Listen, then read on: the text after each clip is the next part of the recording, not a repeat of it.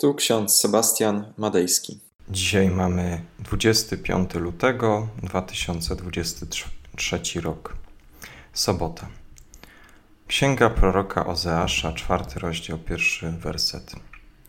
Słuchajcie słowa Pana, synowie Izraela, bo Pan ma powód do skargi na mieszkańców kraju. Nie ma w kraju ani wierności, ani miłości, ani poznania Boga oraz list Jakuba, pierwszy rozdział, piąty werset. Jeśli komu z Was brak mądrości, niech prosi Boga, który wszystkich obdarza chętnie i bez wypominania, a będzie mu dana. Takie słowa Heinricha Helda. Wyrzuć z serca wszelkie wady. Karność świętą wpoić chciej. Niech słuchamy Twojej rady. Niech żyję podług niej Daj nam zdrowy, jasny sąd, byśmy rozeznali błąd. Mądrość pochodząca od Boga. Hmm. Przydałaby nam się taka mądrość przy podejmowaniu ważnych w życiu decyzji. Jakiś czas temu profesor Kalina Wojciechowska z księdzem Mariuszem Rosikiem napisali komentarz do listu świętego Jakuba pod tytułem Mądrość wstępująca z góry komentarz strukturalny do listu świętego Jakuba. W swojej książce zawarli bardzo odważną tezę, mianowicie, że wszystko w tym liście obraca się wokół mądrości, mądrości wstępującej z góry. Według listu wiara polega na mądrości. Wiara, która jest wprowadzona w praktykę, w czyn. Mądrość stępująca z góry jest przede wszystkim czysta, skłonna do zgody, ustępliwa, posłuszna, pełna miłosierdzia i dobrych owoców, wolna od względów ludzkich i obłudy. Aby zobrazować, czym jest Boża mądrość, pozwólcie, że przytoczę historię kształtowania się kanonu biblijnego. Warto wspomnieć o tym, ze względu na to, że czasem zarzuca się Lutrowi albo innym reformatorom, że umieścili list Jakuba na pod koniec Biblii, albo nawet zastanawiali się, czy w ogóle list Jakuba powinien znaleźć się w kanonie. Przede wszystkim trzeba powiedzieć, że Pismo Święte nie spadło z nieba. Nie znaleziono go na piaskach pustyni gdzieś e, na terenie Palestyny. Proces zbierania pism w Biblię trwał bardzo długo i nie był sterowany przez jakąś grupę religijną, na przykład przez Kościół, jak to się niekiedy błędnie uważa. Przykładem jest tego historia kanonu Starego Testamentu, Pisma. Księga Koheleta na przykład miała według e, starożytnych mędrców Izraela trafić do Genizy. Geniza to takie miejsce, do której składało się zniszczone święte teksty zawierające imię Boga. Tam też trafiały księgi nieuznawane za kanoniczne. Wydawała się ówczesnym czytelnikom księgi Koheleta ta księga nieco heretycką.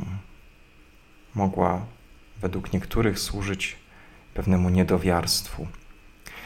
Te same wahania towarzyszyły jeszcze pieśni nad pieśniami, zwojowi księgi Estery, a nawet takich, takich, takiej księdze jak księga Ezechiela, o, o, którym, o której to Talmud pisał w zasadzie jeden z rabinów w Talmudzie pisał, że jest sprzeczna ze słowami Tory.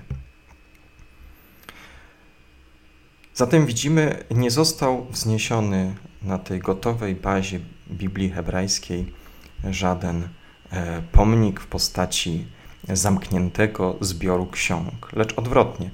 To właśnie krytyka wiary dokonywana przez e, tych, którzy czytali pismo, stworzyła wizerunek Biblii Hebrajskiej jako świętej księgi wiary.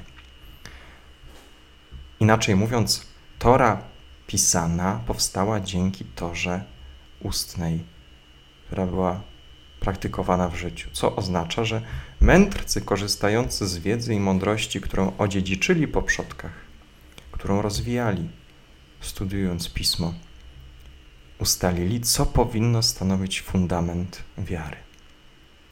Zbiór zwany Biblią był rezultatem świadomego wyboru ludzi.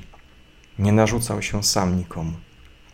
O kanonie stanowiła zbiorowa mądrość ludzi wierzących. Te teksty były uznawane za kanoniczne, których słuszność, poprawność weryfikowało życie.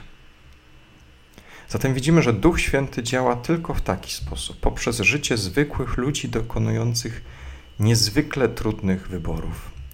Wybory te muszą być mądre, ale czasami bywają głupie. Jednak jak stwierdzają przypowieści Salomona, początkiem mądrości jest bojaźń Boga, poznanie świętego, oto rozum. Dobrze jest zatem brać przykład z życia, weryfikować wypowiedzi tych, którzy jeszcze rok temu wieszczyli klęskę Ukrainie albo wypowiadali się z miną mędrców o rzeczach, które okazały się nieprawdą. W czasach fake newsów i wojny informacyjnej polegajmy na tej mądrości, która od Boga pochodzi, czyli mądrości stępującej z góry. I uważny czytelnik listu Jakuba rozpozna tę mądrość, a jest nią Chrystus. Chrystus stępuje z góry, przychodzi do naszego życia. Jego naśladujmy, a w naszym sercu zamieszka prawdziwa mądrość. Amen.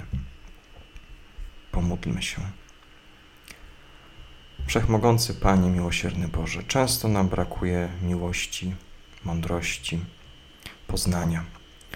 Wskaż nam, Panie, właściwą drogę, abyśmy, naśladując Twojego Syna, kroczyli z Nim do Jerozolimy, aby w tym naszym życiu, jaki nam dajesz, ten czas w tym życiu, byśmy jak najlepiej spożytkowali to, co mamy, to, co do nas trafia.